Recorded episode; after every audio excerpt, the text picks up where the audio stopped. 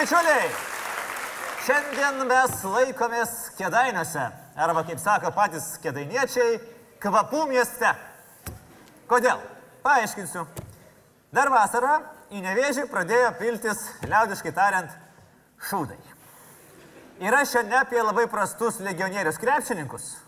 Ne, organiškai pradėjo piltis, na, suprantat kas. Visko pasitaiko.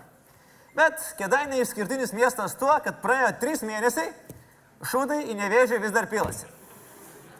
Kaip ten rašė Maironis. Ten susimastęs, tamsus nevėžis, lyg juos tai juose žaliasias pievas. Dabar bent jau žinom, kodėl nevėžis tamsus. Ir kodėl pievas po to žalios. Ir visi valdžioj skėščioja rankom. Nu, negerai, jo, negerai. Labai negerai, netgi katastrofa. Bet nieko nevyksta. Kas kaltas irgi neaišku. Žinot, tokia olimpinė ramybė kvapų mieste. Kaip olimpiadai, svarbiausia dalyvauti.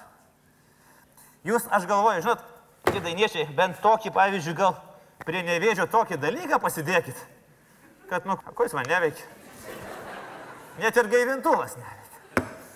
Na, žodžiu, pasakysiu aš jums taip.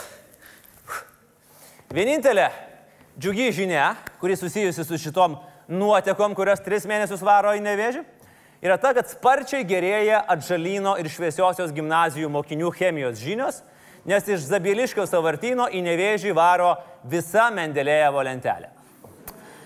Šiek, tris mėnesius ir dar prieš rinkimus. Nu, kaip sakoma, pasišūdinta prieš gyventojus, ką jau tai. Beje, idėja verslui. Mes turime Lietuvos kvapą, pagaminkime ir kedainių kvapą. Ir bus galima ne tik svečiams dovanoti, bet ir po treniruočių sporto klube pasikvėpinti. Ir kai kita nors, pavyzdžiui, mūsų seimūnai, ką nors iškrės ir jūsų artimieji sakys, kad jiems atėmė kvapą, galėsit įteikti buteliuką ir sakyti, va tavo kvapas. Tačiau kvapų miestas kėdainiai vadinamas ne tik dėl nevėžio tų daiktų. Pasak spaudos, dabar kėdainiuose kvepia ramybė, nes visai neseniai kriminalistai čia sutriuškino didžiulę prekiautojų narkotikais grupuotę. Pirkti narkotikų į kėdainius vykdavo žmonės iš visos Lietuvos. Žodžiu, visi buvo ant ratų. O per šventę čia tiesiog snygdavo. Kriminalistai teigia, kad sunkiausia buvo nustatyti gaujos vadą. Cituoju. Jam buvo daugiau kaip 40 metų, mėgo girtis, kad valdo kėdainius ir turėjo teistumą už nežymius nusikaltimus. Kas čia labai sudėtingo nustatyti? Aukščiausios klasės kvapų trinktelėjo ir kėdainių sporto klubas X Forma. Kuris a, davė, žinot, kėdainių moterims du pasirinkimus. Arba būti stora ir apsileidus, arba gražia. Nu, ta prasme, taip. Mm, mm, mm. Ir jeigu jos, kėdainių moteris, nutartų, kad po taukų sluoksnių gyvena graži moteris, tada jau reikia kreipti juos. Tai žinot, kad kėdainiuose posakis vartusi kaip inkstas taukuose, skamba vartusi kaip moteris taukuose. Moteris po taukų sluoksnių čia kaip koks renesanso paveikslas skamba. Mergina su perlo auskuru Vermėjeris, moteris po taukų sluoksnių, nežinomas kėdainių dailininkas. Pasipilus komentarams, sporto klubas laikėsi priešingai negu mūsų premjeras. Netrynė nieko nors tu ką. Nesitraukė ir sakė, kad jam patinka mintis, kur buvo tie genetiniai storuliai vokiečių kalėjimuose. Storo nei vieno filmuotoje medžiagoje konslageryje. Va čia yra super reklama. Ateik į mūsų klubą ir pasijaus kaip Treblinkoje ar Buchenwalde. Įsivaizduoja treneriuką X formą rėkinti. Susikoncentruok! Darbas išlaisvina ir sulieknina. Ir dar viena nuostabi klubo reklama. Pasirodo, jų nuomonė, be vyro galinti išgyventi moteris yra tik iliuzija. Ir parodoma, kaip keičiasi moteris, kai susiranda vyrą. Ji ne tik išsitėse, sulieknėja, bet ir maždaug 46 cm užauga.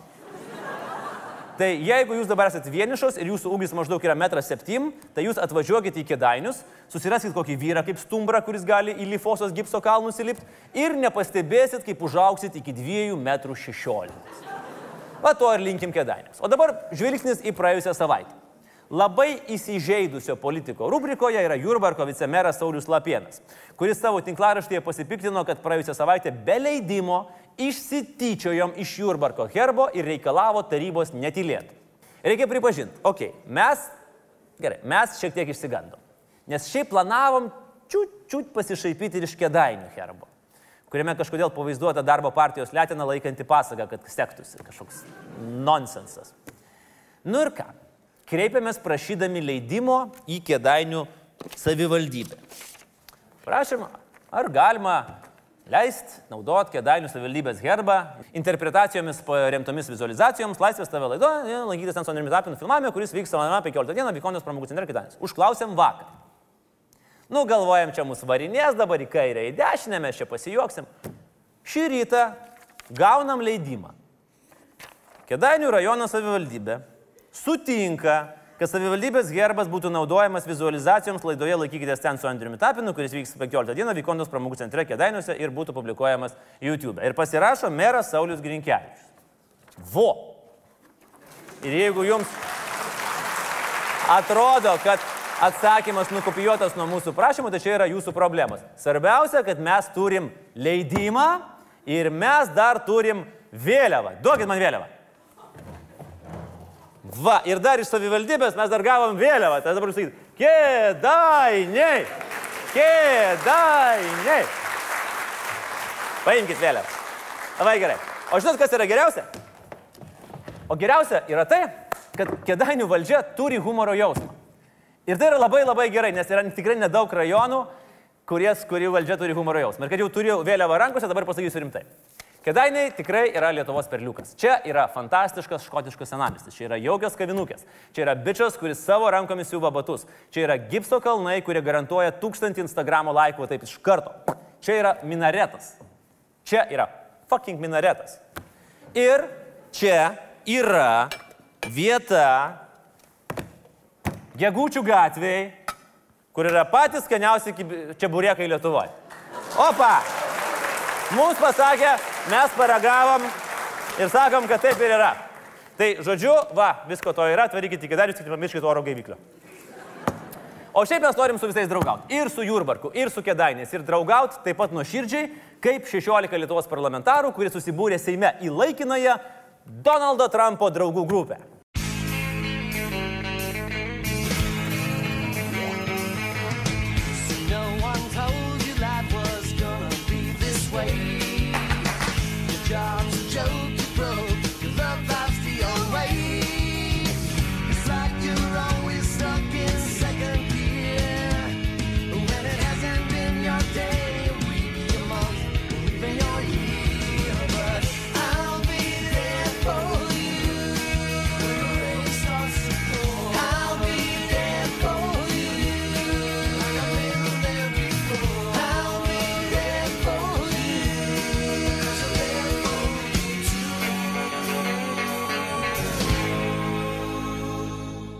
Ir Amerikos prezidentas tikriausiai labai apsidžiaugė išgirdęs, kad Balkanų šalies Seimo nariai nori draugauti.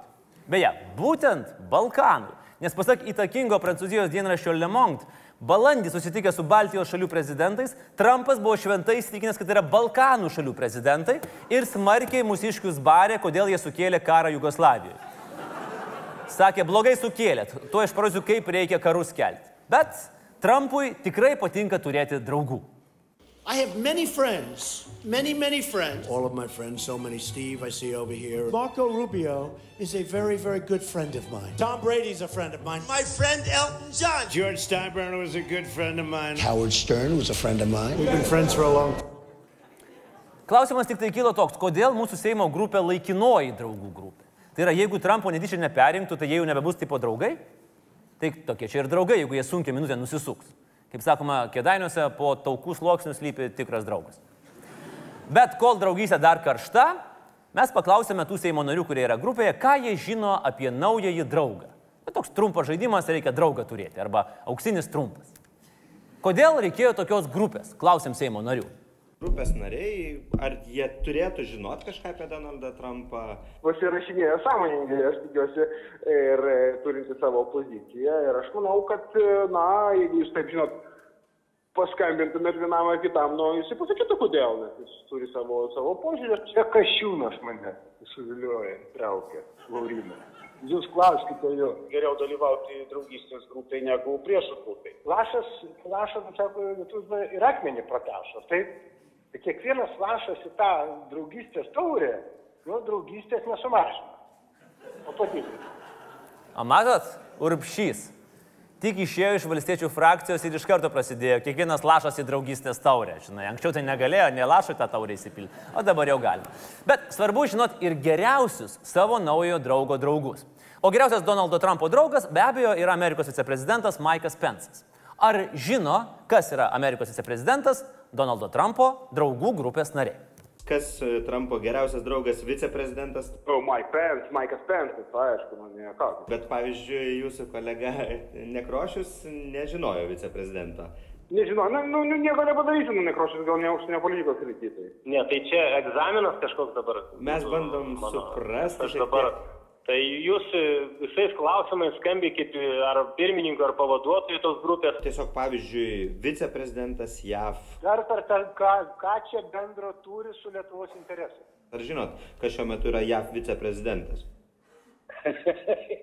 Matot, aš tikrai daugiau nenorėčiau gilintis ir plėsti tą temą. Tikrai žinau, bet, bet, bet, bet vėlgi nemanau, kad tai, tai yra esminis dalykas dabar plėsti būtent žinojimą tam tikrų detalių ar dar kažko. Savo, savo poziciją išsakiau. Tai žinot, bet nesakysit. Taip. Taip, nu jau tiesiog nemanau, kad jau šitame etape tai yra teisinga. Taip, žinau, bet nesakysiu. Čia jau kažkur mūsų laidoje girdėta.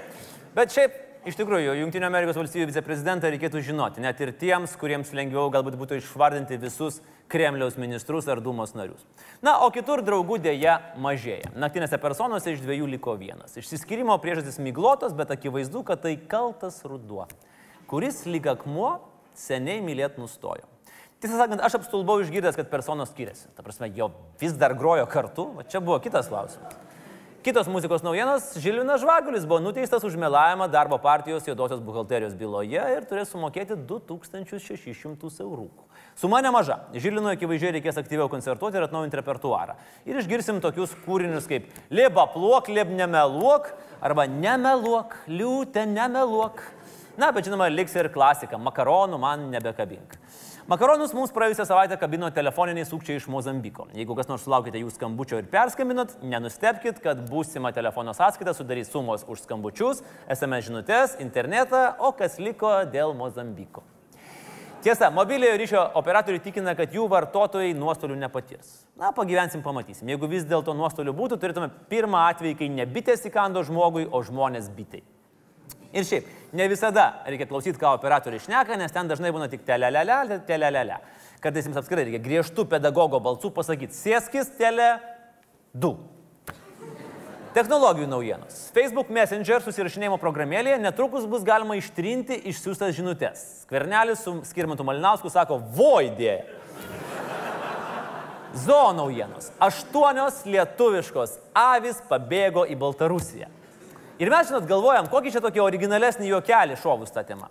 Galvojam, galvojam ir sugalvojam. Reiškia taip. Turbūt Lietuvoje yra taip blogai, kad net avys emigruoja. O, kaip šovėm. Šmaikštumo perlas, kurio niekas tikrai niekas kitas nesugalvotų.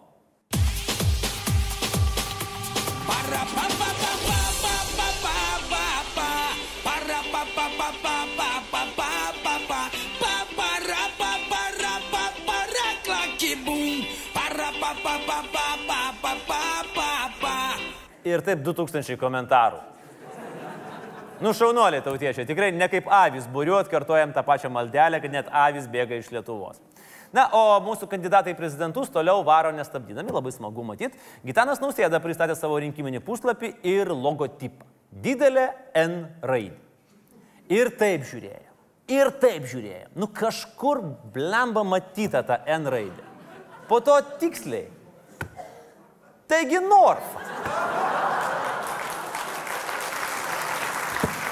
Nu, žinot, pagal logotipą dabar jau ir bus ir šūkis. Praktiškai žmonės renkasi nausėdą. Beje, Gitanas jau turi ir puslapį nausėda 2019.lt. Bet už jį teko pakloti jam 400 eurų, mums patvirtino jo komanda, nes ankstesnis savininkas jį buvo nukreipęs į Valstybinio tautos fronto Facebook puslapyje, kuriame potencialus prezidentas užsispyrusiai yra vadinamas gitaru. Pirmadienį streiką pradėjo mokyklos ir darželiai reikalaujantis peržiūrėti naują etatinio atlyginimų skaičiavimo modelį. Ministrė Petrauskinė su protestuotojais susitikti nepanoro. Na, vad mokytojai vėl liko be kontaktinių valandų. Įdomu, anksčiau mokytojai liepdavo į mokyklą atsivesti tėvus, o dabar liepia atsivesti ministrę. Tuo tarpu mūsų Primas pareiškia, jog mokytojams turėti daug laisvo laiko ir gauti 1000 eurų galimybės nėra. Suprask, jeigu mokytojas neveda pamokos, tai jau kitų laikų jis yra laisvas kaip kuba, kuba libre. Na, turbūt taip ir yra, nes darbus taisantis, pamokoms besirošiantis ir šiaip savo tobulėjimo besirūpinantis mokytojas ir yra tiek laisvas, kiek laisva kuba. Bet aš noriu pataisyti mūsų naikinantį įrašus premjerą. Turėti daug laisvo laiko ir gauti 1000 eurų galimybė tikrai yra. Kam įdomu, dabar imkite rašymo priemonės ir rašykitės. Reiškia taip, jums reikės 4000 eurų. Jeigu neturit, skambinkit Nagliui Puteikiui, pasakys, kur geriausios greitųjų kreditų sąlygos yra. Nu, turit 4000 eurų. Tada valstiečiai paleidžia voucherius. Jūs nusiperkat 500 voucherių po 8 eurus. Tada už juos nusiperkat produktų už 5000 eurų. Viskas, jūsų turtas ką tik padidėjo 1000 eurų. O ką daryti su tais produktais? Ką žinau. Sugalvokit patys, daug laisvo laiko turite. Šią savaitę nutekėjo ir Žemės ūkio ministerijos parengtas voucherių programos vertinimas, kuriuo šita programa buvo visiškai sumalta į miltus. Skvernelis po to piktinosi, kad Žemės ūkio ministerija kaip visada ieško priežasčių, kaip nieko nedaryti. Žemės ūkio ministras Surplys nuolankiai linksėjo ir pupsėjo, kad žino, žino, kas piktybiškai kenkia ministerijai ir vyriausybei ir jis labai prašė jų taip nesielgti. Čia citata. O jie brudeliai vis tiek elgėsi. Čia ne visai citata. Brudelio nebuvo žodžių. Ministras. Įsivaizduoja dialogą. Nu nekenkit piktybiškai vyriausybė, nu aš labai prašau, aš labai prašau. O darbuotojas sako, ne. Kenksiu. Nu gerai. Čia yra tas pats, kas prašyti kainų nebekilti ir po to piktintis, kad jos neklausote. Sotsdemams toliau žiauriai neina su babkim. Pradžiai sotsbebrams už vyną nedavė susimokėti prezidentė, dabar Palutska dėl rinkimų finansavimo tvarkos pažeidimų nuleido ant pusės milijono eurų dotacijos. Nu, total košmar. Sotsdemai liko be 0,5. Kaip jie išgyvens? Beje, Vyriausioji rinkimų komisija tyrimą pradėjo gauti anoniminį skundą. Nu, baisiai įdomu, baisiai įdomu, kas čia tuos sotsdemus galėjo įskūsti. Ne, tai pranešti turi stukačiai. Dar vienas niuansėlis, ar kada nors matėt, kaip boksininkas nokautuoja priešininką? Na, aišku, dauguma esat matę. O esat matę, kaip boksininkas oponentam nokautuoja net ne kumščiais, net nesmūgiu, net stovinti už keleto metrų. Nematėt? Tai pažiūrėkime dabar visi kartu. Biržų boksininkai taip atkala biržų merą Valdemarą Valkiūną. Nes iš mūsų valdžios, tai kaip matot, nieko nėra, metai praėjo, čempionas pabaltijo turintis diržus viską, neturi jokio, jo, jokio etato šį čia dirbti, nors įnešęs, atsinešęs į diržus 100 tūkstančių eurų investicijų. Mėras galėtų nueiti pasižiūrėti, kaip gyvena kitos sporto šakos. Nu taip, aš, jis politikuos čia, atvažiuoja pasidaryti reklamus.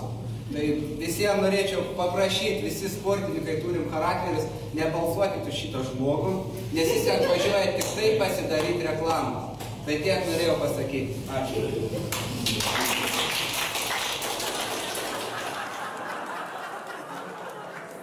O dabar dėmesio, atkreipkim dėmesį, kokios yra reakcijos stovinčių žmonių už vargšo mero. Oh my god.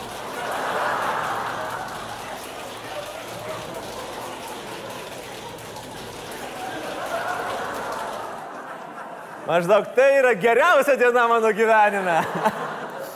O savaitės pabaigai, kaip visada, Seimo pirmininkas. Žinot, anksčiau mano jaunystėje mes darydavom taip miksus mylimiems žmonėms. Na dabar mes darom pranckiečio miksus. Nes jis tikrai yra trys žodžiai - nerealus. Jis visus interviu pradeda normaliai, tada susinervuoja, tada pasidaro gėdą ir tada jis galtinai nuvažiuoja nuo bėgių. Prie šio Seimo jau buvo tūkstantinis mitingas, kur jūs kartu su minė, pats kartu su minė skandavote Seimui gėdą. Ta kart buvo po to, kai Seimo nariai nesugebėjo patvirtinti konstitucinio sprendimo dėl Mindaugo Bašio, kuris sulaužė priesaiką. Atsimena tą mitingą? Teskite. Ne, aš klausiu, ar atsimena tą mitingą tiesiog? Jūs abejojat mano atmintim? ne, nebejoju, Seimo pirmininkė. Aš tiesiog klausiu, ar atsimena tą mitingą. Tai ar aš dar jums nesakiau? Ne, jūs neatsakėte ir atsimenate mitingą. Tokia keistuoliškas klausimas, tada tęskit. Gal kitą klausimą turit kokį? Tai ar atsimenat, kai kartu su minė skandavo Seimui gėdą? Aš atsimenu, o jūs? Atsimenu. Nu, nu gerai. Tai abu atsimenam ir abu žinom, kad atsimenam, tai klausimas keistas. Gerai, o šiandien jūs sakytumėt, kad Seimui gėda ar jau nebegėda? E, Man ir, ir buvo, ir yra. Už kiekvieną neteisėtą veiksmą, už kiekvieną apkaltą, taip, man yra gėda. Nu, vat pagaliau išsiaiškinti. Ir aš tik džiaugiuosi, kad Seimo pirmininkus atmintim viskas yra gerai, tai ir tikrai puiku. O šiandien pakalbėkim kitą temą. Apie labai natūralų norą praturtėti. Greitai ir legaliai. Ha, sakot, čia yra oksimoronas, taip nebūna. Čia toks pat kaip kvepiantis kėdainiai arba dirbantis šustauskas. Nėra gamtoj tokių dalykų. Arba greitai, arba legaliai, ar ne? Vienas pirmųjų tokią schemutę prasuko Judas, pabučiavęs Jėzų už 30 sidabrinių. Beje, skaičiuojama, kad dabartinė tų sidabrinių vertė galėtų siekti net iki 20 tūkstančių dolerių. Realiai mašiną už pabučiavimą Judas galėtų įsigyti. Beveik į polelę pupytės. Tik jų mašina brangesnė ir bučiuoti net ten reikėtų. Lietuviai irgi sukosi kaip išmanydai. Vytautas didysis tris kartus tam pačiam pirkėjui pardavė žemaityje. Verslas nuo nulio, ne kitaip. Nuo to laiko manevras vadinamas kaip kryžiuočio lachatronas. Gediminas irgi gerulis buvo. Jis rašė laimės laiškus. Nu, žinot, tą, kur gauni ir turi persius penkiem draugam, kitaip pas tave ateis nelaimė ir pagonis. Todėl stojus nepriklausomybė mes puolėm turtėti su didesniu entuzijazmu, negu kad hormonų kamuojamas paauglys, likęs vienas namuose, puolam mąstyti, kur reikės stoti po mokyklos. Vieni turtėjo iš sovietinio spaloto metalo. Apsukrus lietuviai rinko jį ir vagonais vežė į vakarus. Na, tiesa, po to visas metalo laužas iš vakarų grįžo atgal į Lietuvą, tik tai jis kažkodėl vadinosi Audi. Jeigu tokios kelionės pelnas būdavo mažiau negu 200 procentų, vadinasi, kelionė buvo nuostolinga. Steigėsi bankai, šmankai, sekundės, ekspresai, holdingai, ten atneši 100 baksų, po mėnesio pasiimi 200, nu tai negi imsi, vėl dedi atgal, bus 400. Ai, geri laikai buvo, bet trumpi. Tada atėjo kitokių pinigų metas. Bandėm dotcomus, 2000 maždaug. Ne, viską keliam internetą. Kam pizzas kept krosnį, jeigu galima kepti internetą? Kam nes šiuklės į konteinerį, jeigu galima kelti internetą? One.lt. Pirmas interneto savartinas Lietuvoje.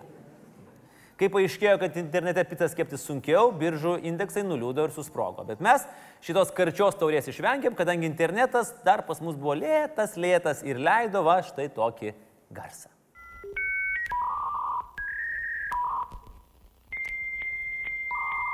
Patekus į ES puolėm turtėti iš nekilnojamojo turto. Tada parėjo krizė ir lietuviai sveikino vienas kitą gatvėje. Tai ko toks liūdnas kaip žemės prisipirkęs? O skandinavų bankai atimtas fūras skaičiavo nebe vienetais, o hektarais. Na gerai, išsilaižėm. Tada atėjo pokerio manija. Internetas jau buvo greitas ir dešimtais metais žaidė visi, nuo mokyklinuko iki profesorius. Ir tai buvo lengviausi pinigai ever. Antanui Guogai, kuris laiku iš žaidėjo pasidarė verslininku, sukaupė pinigėlių ir beje šį lapkritį nusipirko soprano ledinių tinklą. Taip? Tonis nusipirko sopranus. Tik Lietuvoje, baby. Na, o pokerio būmo metu mes visi keurą parą vaikščiojom su juodais akiniais, kapišonais ir aiškinom, kad gyvenam iš pokerio. Nors realiai čia buvo tas pats, kaip dirbti fūros vairuotojui, bet visiems aiškinti, kad tavo veiklos rytis yra kelionės.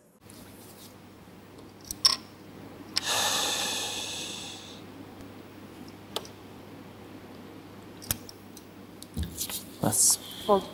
Ir jeigu galvojate, kad tai yra laimingas furisto atsidusėjimas atvykus į šiltus kraštus, jūs labai klystat. Ir čia atėjom prie dar vieno praturtėjimo bumo - startuolių ir kriptovaliutų. Dažnam tai atrodo vienas ir tas pats, kaip žemaičių blynai ir kedainių blynai. Bet taip aišku nėra.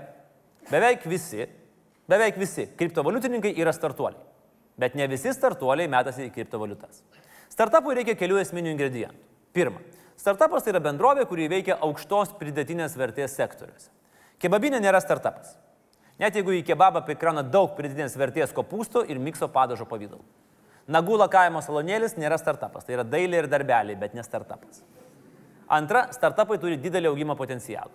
Tai reiškia, sukūrus vieną produktą, jį galima nesunkiai platinti kitose šalise. Na, pavyzdžiui, lietuviškas TransferGo. Pervesti pinigus tu gali visur. Bet jeigu tu esi programėlė Gitanas 2019, net ir geriausiu atveju tu galėsi kažką pervesti arba sulaukti kažko tik Lietuvoje. Jeigu tu, pavyzdžiui, duodi paramą santariškiams, o po to neskaidriai laimi jų viešosius pirkimus, teoriškai tokią patirtį gali perduoti kitoms šalims, ypač rytuose. Ir tu tada startuolis. Kol ateis STT. Tada būsi sėduolis. Trečia, startupai iš pradžių neturi veiksmingo verslo modelio. Nu, varo beveik vien tik tai minusą. Nes sunku užkariauti reikalingas rinkas arba labai daug pinigų reikia sukišti vien į produkto vystymą. Geriausias tokio startupo pavyzdys yra socialdemokratai. Potencialo buvo, reitingai puikus, strigo, dabar virina pinigus, eina į minusą, daugiau nebegauda. Ir nesuprasi, kokį jie produktą bando išvystyti. Ketvirtas startupo požymis yra jiems reikalingas investuotojas, kuris patikė įmonės potencialų kada nors užkariauti bent truputį pasaulį. Kartais pasiseka, kartais ne. Žymiausias nepasisekęs investuotojas Lietuvoje į jau mirusį startupą yra Jurijus Borisovas. Kad startupai pradėtų kurtis, turi būti pakankamai kūrybingų žmonių, jiems skirtų renginių, mokymų, mentorių, tinkamas teisinis reguliavimas, autoritetai, o svarbiausia, būtinai turi būti spainos kavinukės ir Apple kompų parduotuvės. Aišku, kafinas reikalingas todėl, kad yra nemokamas Wi-Fi. O senesniais laikais kavinių vietas, kur vyksta biznio kūrimas, užimdavo kiti. Sąjūdžio laikais tai buvo virtuvė mamos būte, mašinų tranzito laikais tai buvo bagažinė tų, kuriems esi skolingas, pokerio laikais vėl virtuvė mamos būte, nu, žodžiu, gyvenimo ratas. O galima, žinoma, tikėtis ir sėkmingų startupų ir tokių pavyzdžių mes turime. Toks šiek tiek padėvėtas pavyzdys yra Vinted. Dėvėtų rūbų turgelis. Tiesa, dar 16 metais įmonė turėjo rimtų finansinių problemų, bet atsitėsi. Skirtingai negu Eligijus, kuris irgi turėjo tais pačiais metais finansinių problemų ir iki šiol dar neatsitėsi. E, dar šiais metais Vinted pritraukė didžiausią investiciją į startupą Lietuvos istorijoje - 5 milijonų eurų. Kitas pavyzdys - naujienlaiškių platforma MailerLite. Vėlgi, lietuviška, jos pagalba per mėnesį išsiunčiama milijardas, nežinau, reikalingų elektroninių laiškų visame pasaulyje. Ir jie visiškai nesusiję su skambučiais iš Mozambiko. Tai yra rimta paslauga su rimtu pasiūlymu pasididinti savo klientų ratą. Arba Deeper. Toks gana erotiškas pavadinimas, bet tai viso labo lietuviškas sonaras, radęs pasisekimą tarp mėgėjų žvejoti. Įmeti burbuliuką į vandenį ir apsematai, kaip atrodo ežero dugnas. Tarp kitko, Deeperio technologijų vadovas bus kitą savaitę naujoje Laisvės televizijos Patreonų sukurtoje laidoje Pamokslas, kur nesunkiai ir paprastai aiškinamos įvairios technologijos. Tai bus kitą trečiadienį, įjungit YouTube ir pamatysit, kaip veikia sonarai. Ir dar galite paspausti subscribe mygtuką ir varpelį, kad visos laidos ateitų pas jūs. Žodžiu, mes turime jaunų, bet daug potencialo turinčių startup. Pavyzdžiui, Veleza. Toks apsas, kuriame bendruomenės pagalba gali rasti savo patinkančios kosmetikos. Na, kitaip tariant, burys spoguotų savimi nepasitikinčių jaunuolių aiškina kitiems, ką jiems geriau tepti ant veido, kad nebūtumėt spoguotas savimi nepasitikintis jaunuolis. Va toks apsas. Arba Oxipit. Programa, kuri be gydytojo iš rentgenogramos gali atpažinti įvairias jūsų lygas. Didelis pagelbėjimas pagrindiniam lygų diagnostikos gydytojui Google'ui. Nes ten rasi visas įmanomas lygas, kuriam tu sergi. Oxipit beje irgi greitai pamatysit mūsų pamokslį. Trafi, programėlė, kur gali sekti autobusų tvarkarašius, matyti, kur važiuoja autobusas ir nebereikia kentėti tų kelių siaubingų žodžių baimės, gal žinot, kada antras privažiuos. Žodžiu, galim pasidžiaugti ir tikrai tai yra tik keletas iš daugelio. Tačiau pripažinkim, kai kurios idėjos ir verslai yra ne startupai, o mažų mažiausiai, na, tokie startupai. Arba komandos jų yra startupos. Arba tiesiog nepaeina. O nepaeina daugiau nei 90 procentų startupų.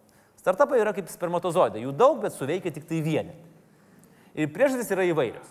Vieni kūrė tai, ko niekam nereikia, arba galvoja, kad, nu, va, įmesim čia biški pinigėlių į Facebook reklamytę, atsiras klientų. Ir neatsiranda. Kartais feilina vadovai. Kartais būna startupų vadovai feilina po to, kai jau padaro sėkmingą startupą.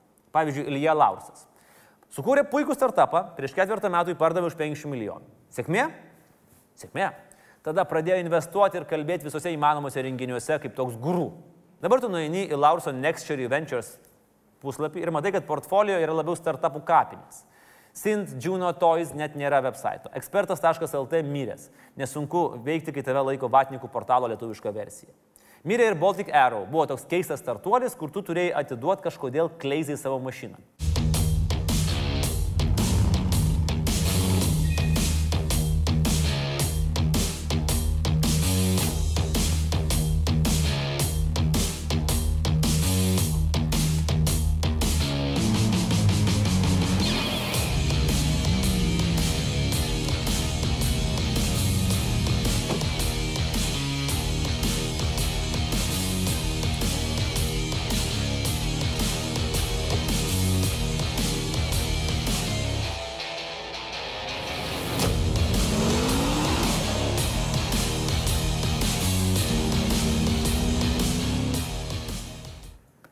Na taip, Linui NBA net kamuolį visada, ne visada perdodavo, o čia dabar dar savo mašiną atiduot. Žodžiu, startupai būna, kad ir miršta. Ir ką apie tokius verslininkus mano Karolis verslas nuo nulio šimkus.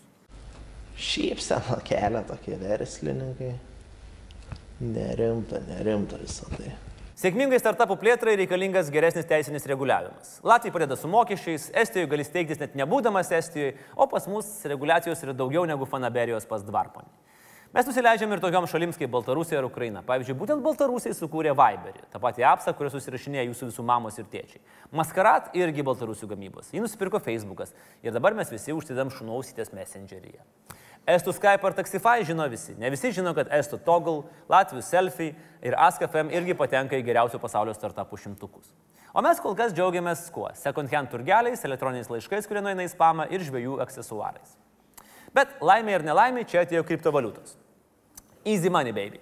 Vieni pamatė, kad jas galima kasti be didesnių pastangų.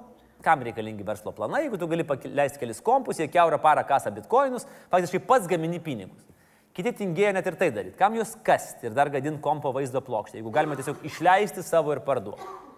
O tai nu negi žmonės pirks tavo valiutą, jeigu tu jiems pasakysi, kad kažkada artimiausių metų, jeigu viskas klosis gerai, gal bus sukurta ypatinga paslauga, kokios dar nėra. Kokia, nesakysiu. Bet žmonės pirko milijonais. Ir va čia lietuvių akis sužybo. O pagaliau, opa. Greitai ir beveik legaliai. Mums patinka. Pernai Lietuva surinko beveik pusę milijardo eurų vien tik tai iš ICO. Tikri pinigai lietuviškams verslams vystyti. Bet koks skirtumas yra tarp startupo, kriptovaliutos ir ICO?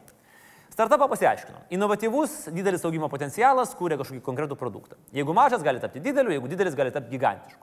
ICO yra būdas startupui gauti pinigų. Na pavyzdžiui, jeigu nuo Europarlamento tau spaudžia smegenis, gali pradėti leisti kriptovaliutą, kad sumestų žmonės ant ledų.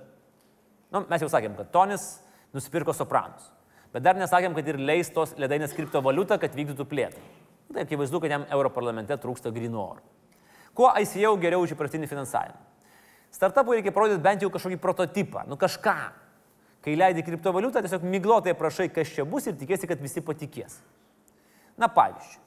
Prisijungiau kaip konsultantas prie Token Desk projekto, nes domiuosi blockchain technologija ir jos pritaikymu ne tik kriptovaliutų projektuose, bet labiau visuomeniniuose projektuose, taip kaip galima būtų sukurti blockchain principų pagristus paslaugų paketus miestams arba valstybėms. Na čia jau turėjo iš karto visiems investuotojams įsijungti raudonas vėliavos, lemputės galvoj ir įsižiebti nerimo signalai planams investuoti tai, apie ką neturi jokio supratimo.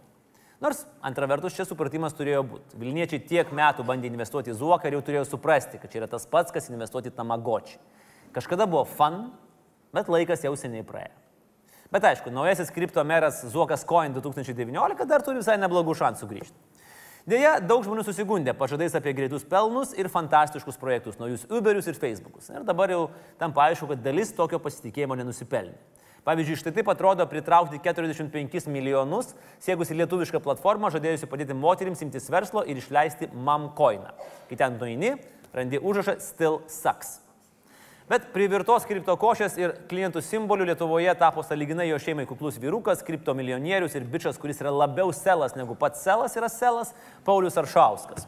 Į pasaulį išleidęs Marginless lošimų projektą. Na, visiškai neaišku, kaip dabar jį sekasi plėtoti, pats Arša dažniau sutinkamas VMI ir teismuose, o nesėkmingi kripto projektai Lietuvoje yra matuojami Aršomis. Kur greiti pinigai, ten aišku bus ir guoga. Toks mūsų Europarlamento Arša. Bet Limpo projektas ne tik pritraukė daugiau nei 10 milijonų eurų, bet ir padarė tai, ko tikriausiai nebuvo pavykę jokiam verslui iš Lietuvos. Reklamoje sugebėjo pasitelkti vieną geriausių pasaulio tenisininkų Karoliną Vozniatskį ir NBA komandą Dallaso Mavericks. Čia jau tikrai verta pagirti. Dar daugiau lėšų sugebėjo pritraukti lietuviški projektai Monita, Bankera, Mysterium Network ir kiti augina komandas, stengiasi įgyvendinti savo tikslus ir parodyti, kad ICO projektai gali būti sėkmingi. Ir štai tokia sėkmė Lietuvai leido patekti į pasaulio dešimtuką. Mes esame dešimti pagal ICO pritrauktas lėšas ir dar kartą patvirtino, kad potencialo mes turim. Mes turim greitai reaguojančių, verslių, nebijančių rizikos ir užsidegusių žmonių. Bet ką daryti, kad startuoliai auktų toliau, kad tie projektai liktų gyvi po kelių metų, jie augintų darbuotojų skaičių ir mokėtų daugiau pinigų į valstybės biudžetą. Na, pirmiausia, didžiosiuose miestuose autobusų linijas mes privalome pakeisti į Lamborghinių linijas, nes visi kriptovaliutininkai važinėja tik Lamborghiniais. Dviračių takus transformuoti į elektrinių paspirtukų greitkelius. Ir ten turėtų veikti neribotas Wi-Fi, o darbo valandos lankščios. Nes, nu žinot, sėsti į paspirtukų ir Lamborghinių kamštį ant akalnyje startuoliai nemėgsta. Taip pat valstiečiai iki naujų metų privalo įtvirtinti voucherius sojos latte kavai visose Lietuvos kafeinuose, PVM lengvatas Xbox'ams, PlayStation'ams ir stalo futbolui. Na, o jeigu rimtai, pasaulyje seniai vyksta kova dėl talentų. Ir Lietuvai per didelę prabangą yra likti protų eksportuotoje. Mes turim kryptingai auginti ir išlaikyti savus ir pritraukti naujus. Ir tam reikalingos stiprios mokyklų IT gebėjimo ugdymo programos. Nenobodžios, iššūkį metančios, leidžiančios kurti studijų programos. Daugiau galimybių studijuoti anglų kalbą. Nu, galų galia palankios sąlygos derinti studiją su darbu. Mes galime apsimesti ir vaidinti, bet Lietuvoje trūksta specialistų. Arba mokančių retesnės kalbas. Jeigu migracijos departamento klerkas nesupranta kalbos, kurie šneka atėjęs žmogus, didelis šansas, kad Lietuvai labai reikia tokio darbuotojo. Tačiau reikia pripažinti, kad ne viskas blogai. Mes turime aktyviai veikiančią startuolio ekosistemos vystimo platformą Startup Lithuania su 400 startup. Sėkmingai dirba Investuok Lietuvoje kartu su Lietuvos banku.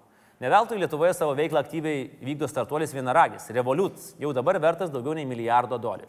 Čia ofisus kūrė Uberis, Bookingas ir kiti. Didžiausioje Baltijos šalise Fintecho konferencijoje Vilniuje Lietuvos bankas sakė, kad artimiausiais metais jie planuoja tris kartus išauginti Fintecho įmonių skaičių. Europa konkuruoja dėl po Brexito Londoną paliksinčių finansų bendrovių, Lietuva, ačiū Dievui, nemiega ir kviečia pas mus. Pagirimo verta ir Vilnius savivaldybė su savo Workation Vilnius projektu. Ir galiausiai netgi šioje vyriausybėje mes turime realiai egzistuojantį, jauną ir savo profesinėje veikloje gerai susigaudantį ūkio ministrą. Ir čia yra trys dideli žingsniai į priekį. Bet žinoma, vertingiausias dalykas startupų sistemoje yra idėjos. Idėjas, seniuk, suprantate, seniuk, idėjas. Tai čia mes ateinam į pagalbą ir dovanojam idėjas. Aišku, šiek tiek vagiam, truputį pakeičiam, na, kaip mums įprasta. Keturi lietuviškų startupų banginiai yra transportas, švietimas, šnapsas ir politika. Na čia žinot, kai mokykloje neišmoksti, kad išgerus už vairo sės negalima, tai suky į politiką. Ir vat mūsų idėjos. Transportas, pavėžėjimai. Čia reikia specializuotis, čia nebeužtenka Uberio. Hebra, reikia taikyti segmentą. Žinai, kas taiko visus, niekur nepataiko. Tai mes siūlom kitas paslaugas, kitus apsus. Pavyzdžiui, Šuberis. Veikia tik šaltuoju metų laiku. Jeigu sušalote, programėlėte, susirandate artimiausią Šuberio vairuotoją, jums atveža kailius. Tada programėlė Paxify. Išsikviečiat vairuotoją, jis prisiekia atvažiuoti, bet net važiuoja ir sulaužo priesaiką. Po to dar 15 metų skambinėja ir prašo, kad vėl iškviestų. Zaxify. Veža tik į civilinės metrikacijos biurą ir atgal. Labai padeda šeimoms. Baxify. Paskola ant ratų. Atvažiuoja ir suteikia paskolą doleriais. CTP. Kai labai užsiminai tualetą, įsijungi programėlę ir tau per kelias minutės priveža kilnojamą biotuliką. Žiauriai gerai. Švietimas. Čia tikrai labai, labai svarbu, labai svarbu skaitmenizuoti, reikia padėti pedagogams ir vat mūsų apsai. Šaiberis. Kaip Viberis tik tai teikia korepetitorių paslaugas dviejotūkininkams. Booking.com. Panašiai kaip Šaiberis, bet čia yra labai prasti korepetitoriai, kurie tik bukina. Twitter. Galima nusamdyti mokytoją, bet pamokos tekstas turi tilpti į 280 simbolių. Tada yra politika. Mūsų apsai. Blinkedin. Darbo ieškančių socialdemokratų socialinis tinklas. Pinskuterest. Socialinis tinklas, kur iš nuotraukų išnyksta nepagydaujami Širvintų rajono žmonės. Programėlė podcastuvas, norintiems kastis giliau į duobę. Skvernelis yra tokia prasisiuntęs. Nėr BNB. Įtaisas kaip išmesti Butkevičių ir Bradauską iš vyriausybės. Kristinder. Visų Lietuvos bufetavo reitingavimo apsas. Alkoholis. Na čia viskas paprasta. Ta jau netgi esame minėję. Šnapsčiatas. Tau atveža su gerova, jeigu tu esi vienas. Kitas apsas yra postogramas. Tai tas pats kaip šnapščiatas, tik atveža rusą su gerova. Na ir pabaigoje, aišku, bonkera. Jeigu mėgstate vertingesnius gėrimus ir norite sekti akcijas alkoholiui, bet dėja jau keletą metų neatsinaujina. Va kiek idėjų, imkite ir darykit. Ar čia viskas nemokamai? Ar čia viskas paeis? Paklausiu. Tikrai nemokamai ir tikrai paeis, sakomės. Ar Laisvės televizija yra jums kada nors melavusi? Ačiū. O aš visiems dėkoju už šį vakarą. Laikėmės ten kėdainiuose. Pasimatysime lygiai po savaitės. Ačiū žiūrėjusiems, prenumeruokit mus ir gero vakaro visiems. Iki.